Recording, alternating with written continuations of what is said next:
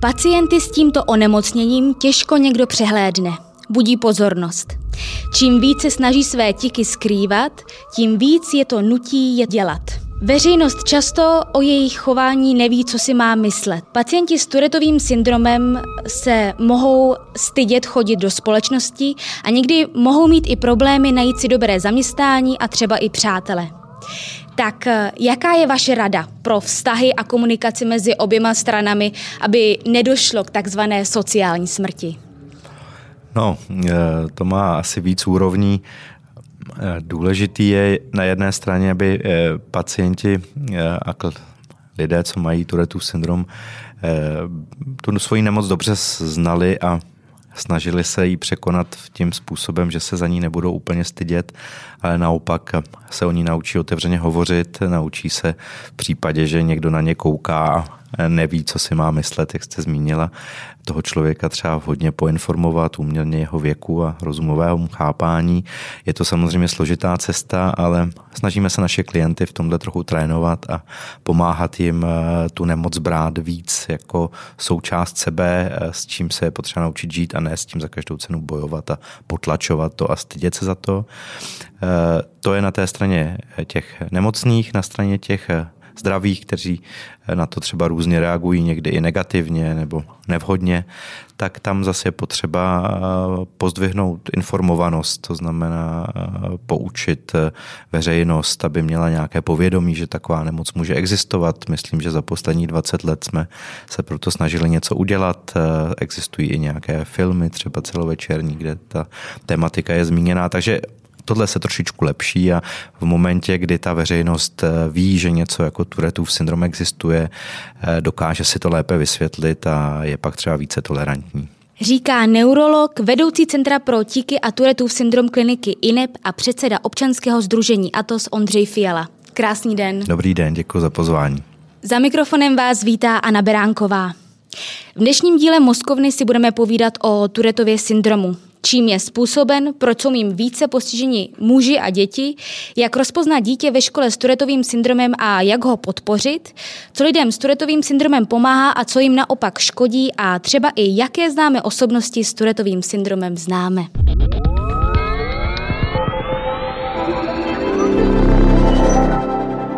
Pane Fialo, uh, Turetův syndrom je vrozené neurologicko-psychiatrické onemocnění, pokud to říkám správně, a projevuje se tiky. Uh, projevuje se tiky zvukovými a pohybovými a také prostými a komplexními. Můžete nám uh, na začátek vlastně vysvětlit, co si pod tím pojmem můžeme představit?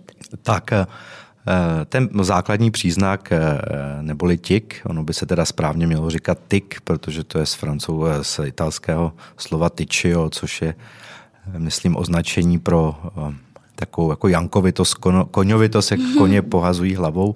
Já ale taky říkám tu měkkou výslovnost, takže se jí přidržím, byť není úplně správná. To je vlastně nějaký jakoby pohyb nebo zvuk, víceméně jakýkoliv, který dokáže lidské tělo vyprodukovat a je to vlastně něco, k čemu ten pacient nebo ten člověk, co má tu syndrom, má určité nutkání. Čili ty e, tiky, jak jste zmínila správně, mají dvě modality, pohybovou a zvukovou. A každá z těch složek se může pak dělit na prostou, prosté tiky a komplexní. Takže když uvedeme nějaké příklady, e, takový prostý pohybový tik je nějaké jednoduché, třeba mrkání nebo vyplazování jazyka, záškuby hlavou, nějaké trhání končetinama. Něco rychlého, ne, takového prudkého často a jednoduchého. Pokud bychom mluvili o komplexním uh, pohybovém tiku, pak se jedná třeba o nějaké složitější pohybové vzorce. Někteří pacienti třeba dělají dřepy. Nebo dokonce kotouly. Eh, je tam i fenomén, který se označuje kopropraxie, to znamená, že ukazují nějaké vulgární gesta, třeba zdvižený prostředníček a podobně.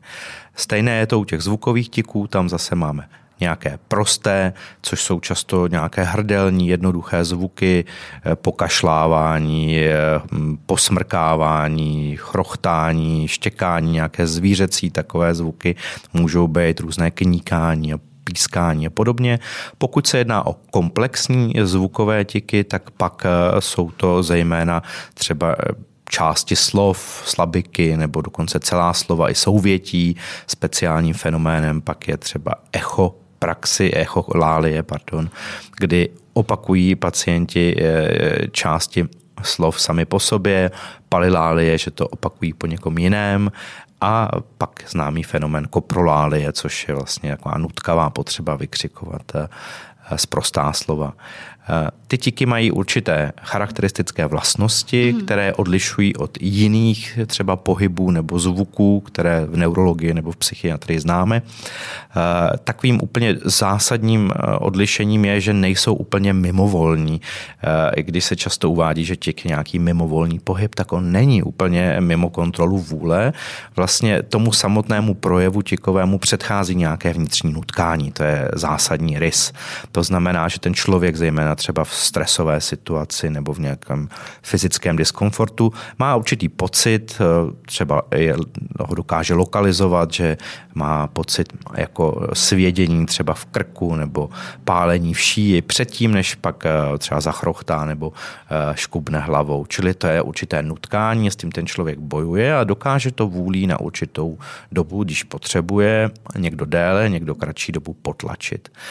Potom, co teda už to nutkání je výrazné, tak ten ti teda udělá a většinou se mu na nějakou eh, krátkou dobu uleví. Ovšem za chvilku zase to nutkání přijde znovu a takhle se to pořád opakuje. Pokud ty tiky dlouho potlačuje, tak eh, existuje něco jako rebound fenomén, kdy se hmm. vlastně to vnitřní nutkání naschromáždí a musí ty tiky potom, když se uvolní někde třeba ve skrytu, odejde třeba z místnosti, intenzivněji vybít. My si to můžeme eh, představit tak třeba, jako každý to zná, když má svědí nějaká část těla, třeba koleno nebo něco, tak eh, se prostě máme to svědění, tak třeba chvilku, jako si říkáme, že co mě to svědí, tak jako nic neděláme, pak se podrbeme, člověku se chvilku uleví a za chvilku to zase svědí, zase se podrbe. Když to svědění dlouho eh, necháme být a snažíme se to eh, jakoby potlačit vůlí, hmm. tak je dokážeme, tak o to se pak musíme podrbat víc. Čili je to takovýhle podobný mechanismus. Pane Fialo, já bych se teď s vámi ráda podívala um, do hlubin mozku a o čím je vlastně způsoben Turetův syndrom. Já když jsem se připravovala na hmm. tento rozhovor, tak uh, jsem si našla, že Turetův syndrom je způsoben vrozeným postižením hlubokých částí jader mozku, odborně zvaných bazální ganglia. A mě by zajímalo, um, jestli nám můžete říci, uh, kde v mozku, v jaké části uh, ty bazální gangly najdeme, hmm. s, čím, s čím třeba souvisí, jestli to může být právě nějakou souvislost, proč se pro, uh, objevují ty, ty projevy, ty, ty tiky. A jak to vypadá, když jsou zdravé a když jsou právě uh, nezdravé? No, ono to úplně tak zase jednoduché není. Ona, ten Tourettův syndrom je zřejmě jako trošku komplexnější mhm. postižení. Mm. Jeho přesnou příčinu zatím úplně do detailu neznáme. Jsou to všechno vlastně určité hypotézy, čili není to tak, jako že u některých onemocnění víme, že nevím, zápal plic způsobuje určitá bakterie nebo virus a to dokážeme vyléčit. Takhle to u této nemoci nefunguje. Jednou ze struktur, která prostě je u Tourettova syndromu trošku odlišná, jsou právě ty bazální ganglia, což když si představíme mozek, tak na povrchu máme že, zvrásněnou kůru, pak je tam nějaká bílá hmota, to jsou spojetý kůry s strukturami, které jsou uloženy hlouběji a když bychom se podívali zhruba doprostřed toho mozku, tak na každé straně máme takový zhluk eh, milionů a milionů nervových buněk eh, a ty dělají takové útvary dohromady, eh, kterým se říká jádra. A jedna z těch jader, tak jako těch jader je víc dohromady, se mm. pak komplexně jako popisují jako bazální ganglia. Ty bazální ganglia mají v mozku celou řadu uh, funkcí, pohybu, uh, odpovídají zejména za řízení a kontrolu pohybu, motorické učení, ale souvisí i s limbickým systémem, který je vlastně přidružen a tam emotivita a další prostě funkce. No a vlastně tento komplex dochází vlastně ke změně, která je ale na úrovni jakoby mikroskopické. To znamená, když bychom třeba udělali magnetickou rezonanci nebo prostě si nějak ten mozek rozřezali, podívali se dovnitř jakoby okem makroskopicky, tak víceméně neuvidíme žádné výrazné změny. Některé studie ukazují, že někdo, někteří pacienti mají trošku menší ty bazální ganglia nebo malinko jinak strukturované, ale mm, není to úplně signifikantní. Čili není to úplně přízračné pro tu nemoc. Spíše dochází ke změně vlastně na úrovni mikroskopické nebo molekulární, řekl bych, a to ve dvou úrovních. Jedna je teda na úrovni transmiterů, čili mm. neurotransmitery, to jsou látky, které přenáší nervový signál. Když si představíme nervovou buňku, tak ona má takové výběžky a po nich dalo by se to úplně zjednodušit. Běží, běží elektřina, běží prostě napětí a ona vyšle signál a ten signál, než se přenese na další buňku, tak eh, vlastně to nepřeskočí jenom jiskřička, jak bychom si tak jako mohli představovat, ale změní se to z toho elektrického na chemický signál což jsou různé látky, které prostě se vyplaví z té buňky a druhá je naváže a pošle ten signál dál. Těch neurotransmiterů je celá řada a jeden z nich je dopamin. A právě v oblasti toho dopamínu, odborně dopaminergní neurotransmise, vznikají zřejmě určité změny vývojové, vlastně vrozené, kdy eh, té dopaminergní signalizace nebo neurotransmise je možná víc v těch bazálních ganglií, než je potřeba a z toho vznikají určité rušivé signály. To znamená, že ty bazální ganglia vlastně generují eh, a dávají mozku signály k nějakému pohybu, který normální člověk nedostává. A tento pohyb se pak dostává vlastně do našeho vědomí, že si uvědomíme nějaké nutkání, říkáme, že my bychom tohle to bych měl udělat mm-hmm. a vůle naše mozková kůra, teda to vědomí, snaží se s tímhle pocitem pracovat a potlačovat ho. Tak to je eh, příčina možná na úrovni neurotransmice. A druhá příčina, která je v hypotézách, je že dochází k určitému změně propojení eh, těch jednotlivých center nebo eh, ty výběžky těch nervových buněk jsou prostě zapojeny malinko jinak než eh, u normálního člověka. Tahle ta vlastně funkční změna není jenom u Turetova syndromu, ale ukazuje se, že u schizofrenie, u deprese, u, zase trošku v jiných centrech a jiným způsobem, nebo u autismu, ale jsou to vlastně poměrně složité věci na té mikroskopické úrovni a proto úplně tu detailní příčinu příčinu zatím neznáme, protože my můžeme ten eh, ty, ty nervové buňky vlastně studovat buď to na nějakém zvířecím modelu, který je vlastně vzdálený eh, lidskému mozku, anebo teda nějakými funkčními metod, metodami nebo zobrazovacími jako rezonance, nebo eventuálně postmortem ten mozek, když někdo zemře, rozřezat, podívat se, ale všechno je to vlastně takové nepřímé. My vlastně do živého mozku takhle detailně hmm. se úplně podívat neumíme. Já jsem zmínila, že Turetův syndrom je vrozené onemocnění. Hmm. A je toto onemocnění dědičné vždy nebo nemusí být?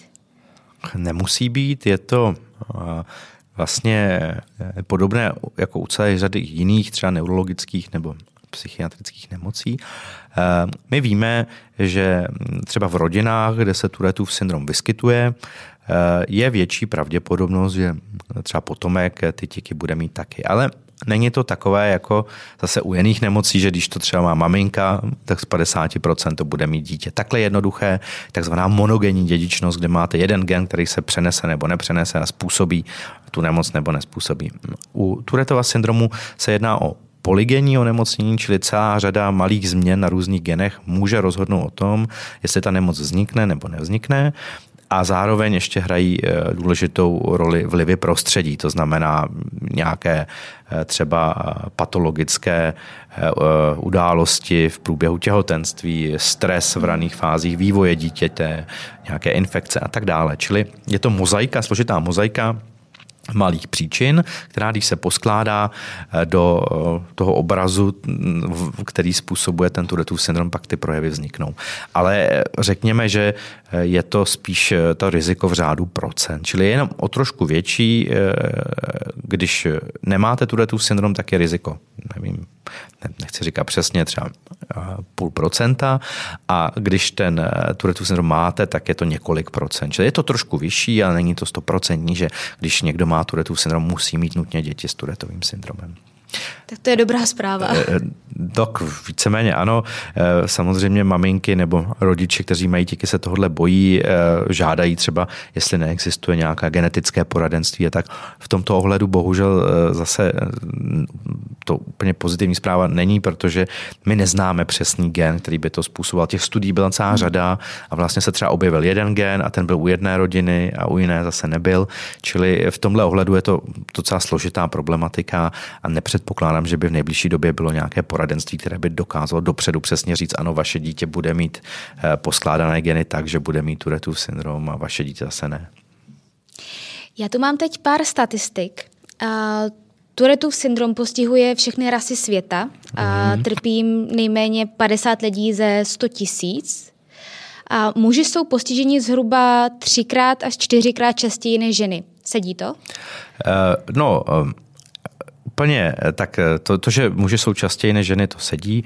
Ohledně té prevalence, nebo tedy procentu postižených stikovou poruchou nebo s turetovým syndromem, tam bych to malinko rozvedl tiky jako příznaky mm. jsou velice časté. My známe vlastně tak, eh, několik úrovní těch projevů a první ta nemoc se jmenuje přechodná tiková porucha v dětství. To je to, že se objeví tiky u dítěte typicky kolem 5-6 let věku, když nastupuje třeba do školy. A tohle má až 1% dětí, nebo i víc, dokonce některé studie mm, jsem viděl, že popisuješ 20% dětí. To znamená, že to je nemoc velmi častá. Když budete mít základní školu, budete mít ve třídě 20 nebo 30 dětí, tak je dost pravděpodobné, že tam jedno dítě nějaké tiky mít bude. Ale tyhle tiky většinou pak zmizí sami, čili je to přechodná tiková porucha. Pak je chronická tiková porucha, která se projevuje nějakým drobným tikem celoživotně. Tu má taky celá řada lidí, tam bychom dokonce mohli mluvit až jedna ku stu, nebo jedno procento, půl procenta. U Turetova syndromu se ukazuje, že ta nemoc je častější, než se, než se myslelo a je to zhruba jeden z tisíce, že jedno mm. promile, to je docela častá věc a ten Turetův syndrom právě odlišen od těch ostatních poruch, že ta nemoc je komplexnější, že to nejsou jenom tiky, ale objevují se i některé přidružené poruchy chování, čili když máte na jedné straně tu prostou tikovou poruchu, to jsou drobné tiky, celoživotně, nebo ta přechodná tam dokonce přejdou sami, tak u Turovetova syndromu je to těch tiků dohromady víc a 90% těch pacientů má ještě nějaké poruchy chování, o kterých se pak můžeme říct později. Uh, já navážu na to, um, že tedy muži tím trpí častěji než ženy. Uh, a my jsme si v předminulém díle Moskovny, kde jsme mluvili o migréně, říkali, hmm. že právě migrénou trpí častěji ženy hmm. než muži a že je to dáno ženskými hormony, hormonálním cyklem.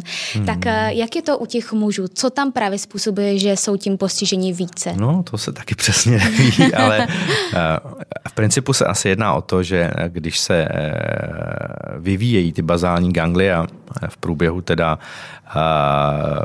nitroděložního jako vlastně zrání plodu a potom teda po porodu, tak eh, ty struktury jsou ovlivněny eh, pohlavními hormony a zřejmě ty mužské pohlavní hormony eh, malinko modifikují ten vývoj těch bazálních ganglích jinak než u žen. A zřejmě u těch mužů, kteří jsou predisponováni, čili mají předpoklad k tomu, že budou mít Turetův syndrom, je toto ovlivnění vlastně násobí to riziko toho Turetova syndromu. My úplně detailně jako nedokážeme v současné chvíli vysvětlit, proč tomu tak je. Je to vlastně věc empirická, kterou pozorujeme, že když se dělají statistiky, tak výrazně víc chlapců má, má teda tiky než dívek eh, ale přesná příčina známá není ani nějaká, že by na to fungovala hormonální terapie nebo tak, tak to jsme nepozorovali. Navážu dále na, uh, na ty děti. Mm-hmm. Vy jste zmínil, že um, ty projevy propukají zhruba kolem toho šestého nebo sedmého roku uh, života, tedy uh, když jdou děti do školy, do mhm. první třídy. Uh, čím je to způsobeno, že právě propukají v, t- v tomhletom věku? Je to právě tím jiným prostředím? Je to kombinací zase více vlivů. Eh, ten Turetův syndrom, eh, nebo tiky jako sami o sobě, tím, že jsou vlastně dany vrozeně, vývojově, tak oni eh, v tom raném stádiu života, kdy ten mozek zraje, prostě po určitou dobu se neprojevují, pak když se ta motorika třeba trošku maturuje, už ten mozek se posune v tom vývoji, tak vznikne to podhoubí pro to, aby ty tiky se eh, doká- mohly, mohly tedy projevit. A samozřejmě škola jako určitý stresor nebo prostě něco nového může tento, tento vlastně vznik těch tiků akcelerovat, urychlit. Eh, Turetův syndrom je vlastně definován tak, že ty tiky by se měly objevit do 18, respektive podle amerických kritérií do 21 let věku, čili v průběhu dětství a dospívání. Všechny tiky, které vzniknou v dospělosti, uh, už jsou podezřelé z toho, že to bude něco jiného, nějaký jiný mimovolný nebo jiný mm. pohyb, uh, i když máme případy tikové poruchy, která vznikne v dospělosti, ale je to spíš zácné, čili 95% to vzniká v dětství. Je to opět se kombinací vlastně přirozeného vývoje té nemoci a nějakých vnějších eh, faktorů. Byly třeba studie izraelské, kde, které ukazovaly, že vlastně zvýšené, zvýšené preval, zvýšená prevalence nebo větší výskyt Turetova syndromu přichází právě v těch válečných období, kdy je Izrael ve válce a když mhm. zase je mírové období, tak čili ty jednotlivé stresory, nemusí to být jen škola, vlastně můžou eh, způsobit, nebo způsobit, můžou urychlit ten, ten, ten projev Turetova syndromu a neznamená to, že jsou to samotnou příčinou. Je to jeden z vyvolávajících faktorů, nikoli hlavní příčina. Vy už jste to zmínil, že ten stres uh, lidem s Turetovým syndromem nedělá dobře. Uh, hmm. Co je ještě uh, z dalších příčin, čemu by se měli vyhnout? No, no, asi člověk se v životě nedokáže úplně vyhnout stresu, ale uh, to je vlastně další eh, faktor, který jsme měli eh, říct na začátku, že ty charakteristické rysy tikových projevů, jak jsem zmiňoval, to nutkání, možnost potlačení a pak na schromáždění těch tiků, tak je dalším takovým typickým projevem je to, že jsou ovlivněny vnějším prostředím. Mm. To znamená, když eh, jste v nějakém pozici, ať už dítě nebo dospělý, která vyvolává stres a nemusí to být jenom negativní stres, on existuje i pozitivní stres, čili takové to, jako že se dítě těší na Vánoce nebo že budou prázdniny, tak jak je takové najednou excitované, tak můžou ty tiky vlastně eh, být eh, výrazně vyšší. Mm. Čili tyto situace to zhoršují, zhoršuje to třeba fyzické nepohodlí, máme hodně údajů, že třeba horko, že paradoxně právě že se rodiče říkají, tak teď tady dítě má tiky, ale budou prázdniny, bude pohodička, že jo, pojede na tábor, ale ono, jak jde na ten tábor, tam je spoustu aktivit, prostě eh, bojovky, horko do toho, tak se ty tiky zhorší. Eh, není úplně nutné se takovým věcem vyhýbat, spíše nějak rozumně regulovat.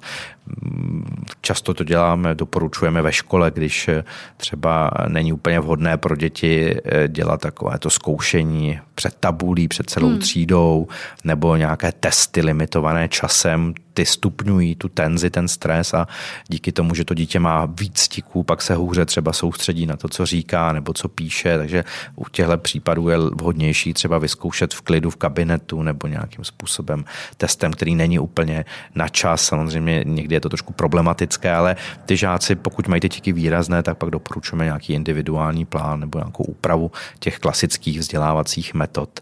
Naopak jsou ale se faktory, které ty tiky potlačují nebo mm-hmm. potlačují, tě zmírňují logicky teda nějaké klidné prostředí, relaxace, eh, ale velmi zajímavým fenoménem je to, že když se děti stiky třeba soustředí na něco, řekněme, hrají na hudební nástroj, nebo kreslí, nebo hrají divadlo, tak v průběhu té činnosti oni často jakoby zapomenou na svůj fyzický koncept, na to, jako, že vlastně mají ty díky dělat a pak je jako zajímavý pozorovat, že to dítě si kreslí a vůbec třeba hodinu žádný trhnutí neudělá.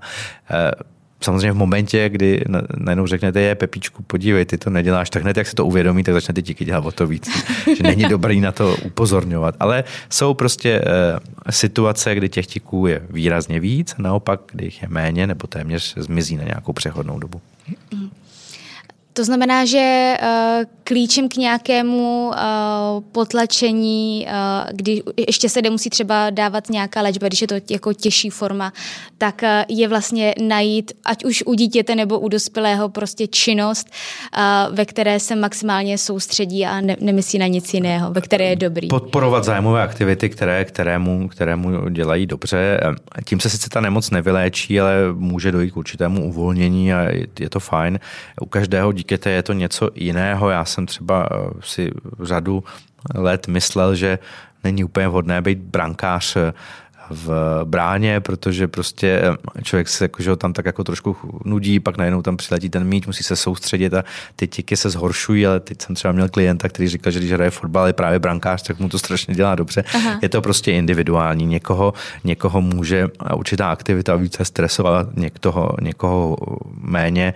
Jeden z takových fenoménů, kde to není úplně jasné, jsou počítačové hry. Je ovšem jasné, že eh, jako jedna věc je jasná, že když to dítě hraje hodně dlouho nějakou počítačovou hru, tak eh, je unavené, ty tiky se pak zhoršují. Mm-hmm. Na druhou stranu při, jsou děti, které i při malém hraní je vidět, že těch tiků mají výrazně víc, protože tam se třeba nevím, někoho honí, střílí, že? tak víme, jak ty hry vypadají, tak jim to dělá špatně. Na druhou stranu jsou děti, které vlastně jako se v průběhu třeba nějaké logické hry nebo strategie soustředí a e, když ta hra není tak akční, tak je to mm-hmm. vlastně na, na určitou dobu, pokud to je nějak limitované, může být i v něčem přínosné. Čili v, o, takové ty rady, jako tohle je dobré, tohle je špatné, úplně neplatí, je to vždycky hodně individuální, jak ve škole, tak v zájmových aktivitách. Uh, přesuneme se teď do toho školního prostředí k dětem, hmm. ale ještě než vám k tím položím otázku, jak vlastně poznat uh, to dítě s Turetovým syndromem, tak uh, pojďte nám říci, jakými poruchami chování bývá Turetův syndrom doprovázen. Uh, tak nejčastější uh, doprovodnou nebo odborně komorbiditou, komorbidní poruchou je eh, porucha pozornosti s hyperaktivitou, mm. ze zkratkou ADHD. Tu má až 60% dětí, častěji chlapci. Ta hyperaktivita se objevuje eh, velice často dřív než samotné tiky. To znamená, že už třeba od čtyř let nebo dokonce od tří let věku pozorujeme, že to dítě je takové jako neklidnější, neposedí, Eh, je impulzivní, co ho napadne, tak hned řekne, skáče eh, třeba ostatním do řeči, nedokáže udržet dobře pozornost, ztrácí věci, je nepořádné. A to se postupně stupňuje a pak se najednou třeba přidá nějaký těch, začne nutkavě mrkat nebo trhat lavičkou nebo dělat nějaký zvuk. Čili to je jedna z těch skupin. Druhá doprovodná porucha je obsedantně kompulzivní onemocnění což je nemoc, která vlastně trošku i souvisí, má podobný jakoby některé rysy jako tiky a projevuje se obsesemi a kompulzemi. Obsese eh, v překladu česky nějaké nutkavé myšlení, že člověk má eh, prostě pocit, že mm, když něco neudělá, tak se stane něco strašného, nebo se mu vrací nutkavě hudba, nebo nějaká slova. A to se projevuje pak do takových zvaných kompulzí, což je nutkavé jednání, a to je celá řada eh, různých pestrých, bizarních jako aktivit typu, že se člověk musí něco, něčeho nutkavě dotýkat nebo překračovat třeba práh jenom pravou nebo levou nohou, chodit třeba jenom po černých dlaždičkách, když máte černobílou dlažbu, kontrolovat třeba, jestli zamknul, má je třeba člověk taky si řekne, že zamknul jsem, zkontroluje to dvakrát, ale ty lidi to kontrolují třeba desetkrát, eh, jestli si uložil peníze do peněženky, eh, mají potřebu třeba symetrie, že si srovnávají věci všechno hezky do pravého úhlu, eh, těch projevů je, je celá řada a někdy se kombinují i do celých rituálů, takže třeba děti před spaním mají určitý rituál, že než si jdou lehnout, tak jak mají takový jako napětí, tak si potřebuje třeba dotknout rohu, pak se uklonit, pak to skombinují s nějakým tikem, pak musí si čichnout třeba mončičánku, k poštáři a když to neudělají, tak vlastně eh, eh, nemůžou pořádně ulehnout, lehnou se, jsou nervózní a vlastně ten rituál mají nutkání to dělat. Čili ta obsedantně kompulzivní porucha má zřejmě některé společné rysy s tikovými projevy a zřejmě i v oblasti toho vývojové změn mozku to spolu trošku souvisí a ta se vyskytuje zhruba v 50% a mají to častěji ženy. Samozřejmě obsedantně kompulzivní porucha i hyperaktivita s poruchou pozornosti se vyskytují samostatně bez Turetova syndromu, ale u těch tiků jsou častější než eh, třeba v běžné populaci. A ty obsedantní rysy eh, mají, má řada lidí. Jo? Některý jako projev, že, že prostě něco si často kontrolujeme, nebo třeba strach ze špíny je takový další projev, tak se jako může vyskytovat. A my když třeba hledáme některé uh, jako prvky nebo příznaky v rodině, mm. tak třeba zjistíme, že může tatínek mít nějaké drobné mrkání, anebo tiky nemá, ale třeba maminka je, jako má ty obsedantní rysy. A pak tomu neříkáme obsedantně kompulzivní porucha, ale obsedantně kompulzivní chování, což je taková mírnější forma. To je docela častý projev a může být určitým jakoby předpokladem pro vznik Turetova syndromu u dětí. A teď proč jsem se na to ptala? Jak učitel může poznat, že má ve třídě dítě s Turetovým syndromem a nejenom, že je třeba právě neposedné nebo má ADHD? No, poznat to lze, protože ty tikové projevy jsou nápadné. Ono hyperaktivitu s poruchou pozornosti na začátku úplně rozeznat od nějakého třeba zlobení, tak je někdy docela těžký, ale v momentě, kdy vám sedí ve třídě prvňáček, druháček a teď vidíte, že různě dělá různé třeba grimasy nebo mrká nebo vyplazuje jazyk, mm-hmm. tak někdy může být problém, že vyplazování jazyka si učitel špatně vysvětlí, že eh, se mu to dítě mm. posmívá, tak uh, prostě pokud zaregistruje nějaký pravidelně se opakující eh, zvláštní pohyb nebo zvuk, které to dítě dělá, které se třeba zhoršuje při nějaké stresové situaci, tak eh, je dobré, aby upozornil rodiče, že si všiml eh, něčeho, co není úplně standardní. Často si ale to všimnou sami ty rodiče. To dítě si to kolikrát třeba úplně příliš neuvědomuje nebo jako hm, ví, že něco dělá, ale ne, ne, nedokáže si to vysvětlit. A to jsou takové jako prvky, které by měly vést k tomu trošku jako pověz, jako zvýšit pozornost a říct si tak pozor, tady se asi něco děje, protože to včasný záchyt, ten začasný záchyt té nemoci je důležitý zejména k tomu nasměrovat to dítě správným směrem, jak třeba k úpravě těch eh, vzdělávacích metod, tak i třeba zamezit čikaně, protože eh, ty tiky, jak jsou nápadné a někdy i rušivé pro okolí, že protože dítě, které prostě periodicky posmrkává, chrochtá, někoho se dotýká, tak mm. je pro ty děti, se to neumí ostatní vysvětlit a často se stane terčem posměchu, v některých případech i šikany a ta šikana pak může být výrazná a může vést i k tomu, že to dítě vlastně selhává ve škole díky tomu, že tam nechce chodit, je tam nešťastné, prožívá tam různé traumatické zážitky a je potřeba včas třeba, aby ten učitel to i těm ostatním dětem vysvětlil, nějakým způsobem rozptýlil ty pochybnosti, snažil se nastavit prostě nějaké mantinely tak, aby to dítě nebylo terčem toho posměchu nebo minimálně. Ono, když to těm ostatním dětem vysvětlíte, tak eh, možná zbydou dva, tři posměváčkové, ale eh, uvolní se ta atmosféra, je to daleko lepší, než když to dítě eh, nutkavě potlačuje, skrývá, nemůže se pak soustředit tolik třeba na to učivo a, je vystaveno prostě velmi nepříjemným zážitkům, které se s ním pak můžou táhnout do dospělosti a Dneska je to už trošičku lepší, ale mm, v dobách dřívějších eh, tak eh, tyhle děti často byly eh, vlastně považovány za zlobivé, za problematické, konfliktní. Nezřídka končily v tehdejších zvláštních školách, takže to, to bylo špatně a dneska už je to malinko líp. Myslím, že Turetův syndrom je teď v osnovách Eh, určitě speciální pedagogiky, já myslím, že i běžných pedagogických škol, takže eh, věřím tomu, že mladí učitelé, učitelky už se během své eh, přípravy na vysoké škole setkají s s tím, že některé poruchy chování a Turetův syndrom probírají a měli by o tom něco vědět.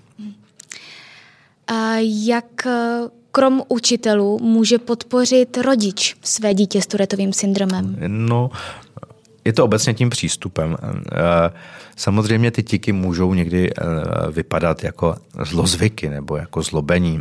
Známe zase od našich klientů řadu, řadu případů, kdy se setkali se s určitým nepochopením, eh, třeba ze strany otce, který to považoval za zlozvyk a okřikoval je za to Někdy prarodiče to vnímají, jako že to je prostě něco, co to dítě nemusí dělat. Tohle je samozřejmě všechno špatně. Čili je potřeba jako rodič eh, tu nemoc přijmout a nějakým způsobem k ní být tolerantní a být nápomocný. Na druhou stranu není úplně dobré eh, to pořád řešit a ptát se na to, jaký máte dítě pocity každou chvíli a eh, tak jako udělat z toho velké téma protože to zase je pro ty děti určitým způsobem Stresu. stresující. Eh, určitě není vhodné dávat třeba najevo že vám to vadí nebo že se tím trápíte. Hmm. Někdy třeba maminky to pak probírají, nevím, s, s kolegyní, s příbuzným, s babičkou. To dítě to slyší, jak si třeba volají, ježiš, on to zase dělá, má to více, já jsem to, co mám dělat, my budeme zase muset k doktorovi. Tohle před těma dětma je velmi nevhodné. Ty děti prostě tím, že mají nějaký viditelný handicap, tak je potřeba posilovat jejich sebevědomí a mít nějaký k tomu konzistentní přístup, čili ano, my víme, že to máš, nějak nám to nevadí, snažíme se ti pomoct, když by to bylo hodně, je tady nějaká odborná pomoc, jinak s tím můžeš fungovat jako každý jiný člověk a ukázat třeba, že to má řada jiných lidí, řada dětí, že s tím se dá prostě normálně eh, fungovat, chodit do školy, vystudovat, pracovat. Eh, to je takový základ. V momentě, kdy ty rodiče prostě to berou nějak úkorně, nebo víme, že třeba v některých rodinách se to chtějí za každou cenu zbavit, což bohužel třeba nejde, takže ty maminky nebo rodiče obcházejí řadu doktorů opakovaně, eh, navštěvují třeba léčitele a tak a ono to většinou moc nepomůže. A to dítě pak si prochází takovým jako traumatizujícím zážitkem, že vlastně eh, ty rodiče mají jako pocit, že to prostě to jejich dítě nesmí mít, co si řeknou ostatní, že vnímají to, že to je něco jako společensky nevhodného. Mm a tím vlastně to dítě už sami stigmatizují a je daleko vhodnější se prostě s tím naučit fungovat a ono pak, když to dítě je v prostředí, kde ví, že to jako je v pohodě, že to nikomu nevadí, tak i těch tíků pak má méně, je uvolněnější a e, je tam i šance, že vlastně v dospělosti ty tíky se výrazně zmírní a u někoho téměř zmizí, takže e, obecně e, nejhorší právě je období puberty, mm-hmm. že ty tíky vzniknou v dětství, a pak se začnou zhoršovat a kulminují třeba někdy kolem řekněme 12. 14. roku věku, což je takové citlivé období, že jo. Eh, eh, teenageři navazují první vztahy s druhým pohlavím, prostě eh, mění se z základní školy na střední pak. A to jsou samozřejmě situace, kdy když do toho ještě máte hodně tiků, tak vám celý tenhle ten už tak složitý proces toho puberty a pak dospívání tohle narušuje a tam je potřeba opravdu hodně velké dávky tolerance. Někdy to není jednoduché. Samozřejmě, když máte dítě, které prostě vám v autě nebo někde, kde se potřebujete soustředit, každou chvíli vykřikuje, tak pro některé rodiče je to samozřejmě očistec, ale je potřeba se prostě zapřít a zvládnout to. Kdy je ten moment, kdy už uh, nestačí motivující pozitivní výchova a nebo případně zajít uh, k psychologovi, ale je potřeba zařadit i léky?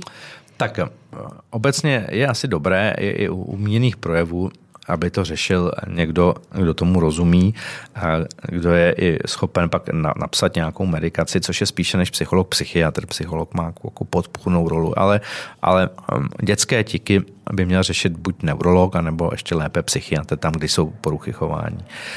Většina, velká část našich klientů vlastně se snažíme zatím léky zejména v dětství nedávat a tím jakoby vodícím prvkem je vlastně míra handicapu, která vzniká. Čili nevyhovujeme přání rodičů, třeba když to dítě má malé drobné tiky, ale nějak mu nevadí, ale maminka má pocit, že chce mít dítě bez tiku, dejte mu něco, ať to zmizí, takhle to nefunguje, když dřív se to třeba dělalo ale prostě v momentě, kdy to dojde do fáze, kdy vidíme, že to dítě selhává eh, v některé ze svých eh, aktivit, eh, sociálních rolích, školních dovedností, kdy najednou ty tiky představují výrazný handicap, tak přemýšlíme o tom, jak nasadit medikaci. Důležité je si ten v tom spektru najít ten hlavní problém, jo? protože eh, u každého dítěte je, je to, a i pak i dospělého studentem je to dost individuální. Někdo má třeba výrazné tiky a člověk by si řekl, že Maria, s tím jako se nedá fungovat a on je s tím úplně v pohodě, on ne, prostě nechce, nepotřebuje tu léčbu. Mm. Někdo má ty tiky drobnější, ale je to třeba nějaká úzkostnější slečna, kter, pro kterou je strašně traumatizující, že někde kníká na veřejnosti a někdo na ní kouká, takže to pro, považuje za strašný jako pro sebe handicap a tam samozřejmě je na jedné straně nějaká práce motivační a psychologická, jak to trošku líp zvládat a na druhou stranu můžeme ty tiky potlačit. My je neumíme vyléčit, my neumíme dát nějakou pilulku nebo něco odoperovat, aby to zmizelo. My pouze můžeme nastavit nějakou léčbu, která je zmírní na nějakou únosnější míru, zmíní intenzitu těch tiků a jejich frekvenci. Kromě toho ale je tady porucha, poruchy chování a někdy vlastně ty samotné poruchy porucha chování představují daleko větší handicap než ty tiky. Čili zase máte chlapce, který třeba nějak poškubává hlavou, mrká, ale do toho je extrémně hyperaktivní a nepozorný. Tak tam zase spíš mm, cílíme tu léčbu na tu hyperaktivitu, a díky necháváme být, protože ty ho nějak zásadně neomezuje. Někoho zase omezuje víc ta obsedantně kompulzivní porucha. My jsme vlastně ještě, těch poruchování může být víc. My mm. jsme ještě třeba nezmínili sebepoškozování, který má asi 20% těch pacientů. A je tam někdy eh, zvýšená tendence třeba k depresím a tak, čili to spektrum je, je, je širší, ale tu léčbu prostě nasazujeme v momentě, kdy vidíme, že prostě už to představuje výrazný handicap. Já bych řekl, že to je tak u třetiny pacientů.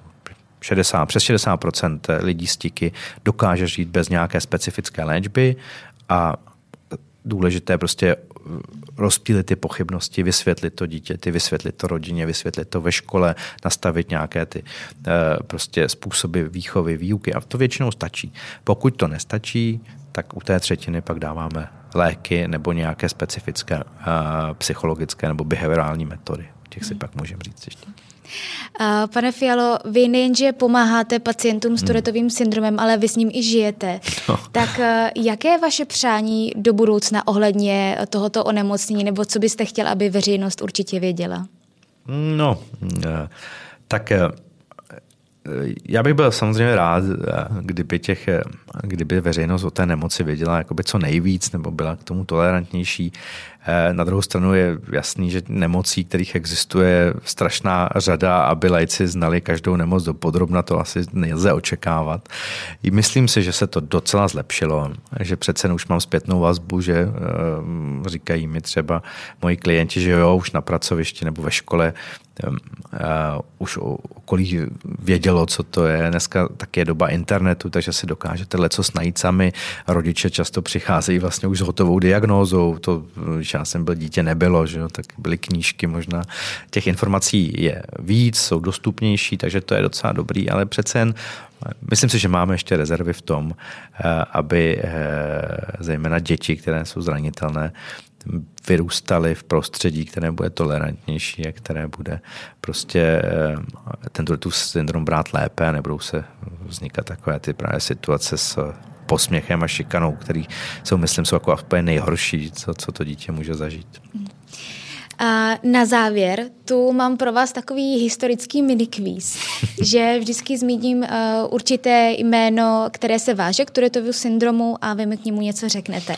Teda... Zmínila jsem v úvodu, Aha. že uh, si řekneme osobnosti s Turetovým syndromem, hmm. ale ještě předtím uh, tu mám samotné jméno a teď doufám, že ho řeknu správně. Gil de la Tourette. Gilles de la Tourette. Gilles de la Tourette. No, no, dokonce to jméno bylo delší, ale eh, to myslím George něco, že eh, je to vlastně, eh, těžko říct, asi neurolog, francouzský lékař, mm-hmm. který eh, jako první popsal eh, ten syndrom, respektive ty příznaky Turetova syndromu už byly zřejmě popsány v kladivu na čarodějnice a v nějakých jiných zápisech a pak existoval teda lékař, který se jmenoval Itard, který vlastně první udělal nějaký popis jedné pacientky. A Gilles de la Tourette potom eh, vzal tento popis a přidal dalších, myslím, devět nebo kolik. A vlastně jako první eh, tu nemoc eh, odborně v odborném časopise popsal. On samozřejmě si myslel něco úplně jiného o příčině a o možnostech léčby, než si myslíme my, ale tím, že vlastně byl první, tak pak to onemocnění nese vlastně jeho jméno, jeho eponym, takže proto se tomu říká Turetův syndrom, že Turet byl teda ten, kdo kdo, nechci říct úplně to objevil, ale vlastně takový průkopník a po něm se ta nemoc jmenuje. Tak a teď už k těm uh, hmm. osobnostem s Turetovým syndromem. Já vždycky řeknu jméno a jestli byste mi dokázala říct, uh, jaké u něj byly ty projevy, jak se třeba projevily v jeho díle. To, to, to, to, nevím, jestli budu vědět. Zkusíme to, zkusíme to. Uh, Charles Dickens. Eh, Charles Dickens, eh, o něm eh, se tvrdí, že měl Touretteův syndrom, ale úplně přesně takhle jsem se asi tím nikdy nezabýval, jakým konkrétním obrazem se to projevilo v jeho díle. Je pravdou, že vlastně, možná bych ještě trošku uvedl, když my máme změnu v těch bazálních ganglích, kde je třeba víc dopamínu a ty lidi jsou takový trošku jako impulzivnější mm. a temperamentnější, tak to může být kromě predispozice předpokladu k tikům i predispozice k nějakému kreativnímu chování. Čili obecně eh, se má za to, že existuje zada osobností, které jsou něčím nadané, ať už teda spisovatelskou tvorbou nebo hudební tvorbou a díky té nemoci, kromě toho, že třeba trošku trpěli a byli centrem jako posměchu nebo je považovalo okolí za výstřední, tak oni byli asi velmi kreativní. Ale u konkrétních osobností asi, jaké přesně měli tíky nebo jak, jak to ovlivnilo tvorbu, tak to se obávám, že nevím. Dobře, tak v tom případě to obrátím ten kvíz a hmm. zeptám se vás, eh, jaké jsou vaše oblíbené eh, osobnosti z historie nebo klidně i eh, ze současnosti, které víte, že žijí s Turetovým syndromem? No, Hodně, hodně se, s, doteďka se to vlastně spekuluje, byl eh, Wolfgang, Wolfgang Amadeus Mozart, eh, který naprosto evidentně měl velmi výstřední a zvláštní chování. Tam si myslím, že to mohlo jeho hudební tvorbu ovlivnit. Existují ovšem jakoby studie nebo hlasy, že se říkají, že to je nesmysl, že to prostě, že to tu syndrom neměl, že eh, prostě byl jenom výstřední. Jako. Na druhou stranu eh, dochovaly se třeba dopisy eh, jeho s jeho matkou a příbuznými, které byly velmi vulgární. Ono na druhou stranu v té době to trošku takové v lepší společnosti se dělali takové legrácky, ale on to byl výrazně nápadnější. Dochovaly se popisy eh, jeho komorné eh, nebo služebné, která vlastně popisovala různé nutkavé dotýkání klavíru a zvláštní pohyby a zvuky, co dělá. Čili my to takhle nikdo ho nenafilmoval. My bohužel nemáme u těle osobností úplně přesně údaje, ale zdá se, že jeho rysy chování odpovídaly minimálně některým projevům Turetova syndromu, ať už je to tako prolálie nebo hmm. záliba v nějakých vulgaritách, ať už jsou to nějaké zvláštní eh, zvuky a pohyby, eh, možná dost výstřední chování a to je vlastně velmi zajímavá osobnost a já třeba svým klientům vždycky říkám, když je chci motivovat třeba na tomhle příkladu, že on sice jako měl těžký život a tak, ale byl to genius a dokázal se s tím nějak do určité míry popasovat a u něj si myslím, že je dost pravděpodobné, že nějakou formu Turetova syndromu měl. Pane Filo, blížíme se k závěru našeho rozhovoru, ale ještě předtím tu mám tři speciální otázky, které pokládám každému hostu. Jaká informace o mozku je pro vás osobně nejzajímavější? Jaká informace o mozku? Eh, no já nevím, jestli úplně informace, ale pro mě eh, je nejfan, jako, co mě nejvíc jako za, zajímá, co pro mě jakoby největším tajemstvím je to, jakým způsobem si mozek uvědomuje sám sebe. To znamená, jakým způsobem funguje lidské vědomí, na které zatím neznáme úplně přesně odpověď, ale je to vlastně famózní, že neurověda vlastně, nebo neurologie, je to, že mozek zkoumá sám sebe, čili já nebo někdo, kdo se tím zabývá, kouká vlastně sám na sebe a je otázka, jestli může někdy do hloubky postihnout eh, to, jak to funguje. Co o mozku byste se chtěli ještě dozvědět? No, to je právě tohle. Čili určitě by mě, rozhodně by mě zajímalo taky, jak mm, funguje vlastně, jaká je příčina Turetova syndromu a druhá věc, zajímalo by mě Eh, dopátrat se lepších informacích nebo hlubších informacích o tom, jak funguje lidské vědomí. Tím pádem můžeme eh, vám i posluchačům doporučit náš třetí díl, kde jsme mluvili s Jiřím Horáčkem o vědomí. No tak to si určitě dá poslechnu. Poslední otázka. Jakou knížku v souvislosti s mozkem byste doporučil našim posluchačům? Eh, já bych doporučil možná nejenom v souvislosti s mozkem, ale i s Turetovým syndromem. Mm-hmm. Existoval spisovatel, bohužel ji zemřel, byl i neurolog Oliver Sachs, který psal krásné knížky a příhody svých pacientů s různými neurologickými onemocněními, napsal jich celou řadu. Jedna z těch knížek, a je i český překlad, se jmenuje Antropoložka na Marsu mm-hmm. a v té knize jsou krásné a velmi citlivé a čtivé příběhy pacientů s různými nemocemi, s autismem, s nádorem mozku. A je tam kapitola, která se jmenuje Život chirurga, což je příběh chirurga, který je na pomezí eh, Ameriky a Kanady eh, měl svoji praxi, on teďka teda má, já jsem dokonce toho člověka potkal a měl těžký Turetův syndrom. A okolí se ho bálo, on dělal různé zvuky, pohyby, nechtěli k němu chodit na operaci, až nakonec zjistili, že vlastně je velmi šikovný, dokonce pilotoval letadlo a ten příběh je krásný a je takový motivující pro pacienty s Turetovým syndromem a je to výpověď toho Olivera Saxe, který tohohle neurologa navštívil a strávil s ním několik dní a je to fantastická knížka. Není úplně super odborná, je spíš na úrovni příběhu beletrie, ale dotýká se i odborných částí a ji vřele doporučit. Říká Ondřej Fiala. Já vám moc krát děkuji za rozhovor. Děkuji za pozvání, na schránou.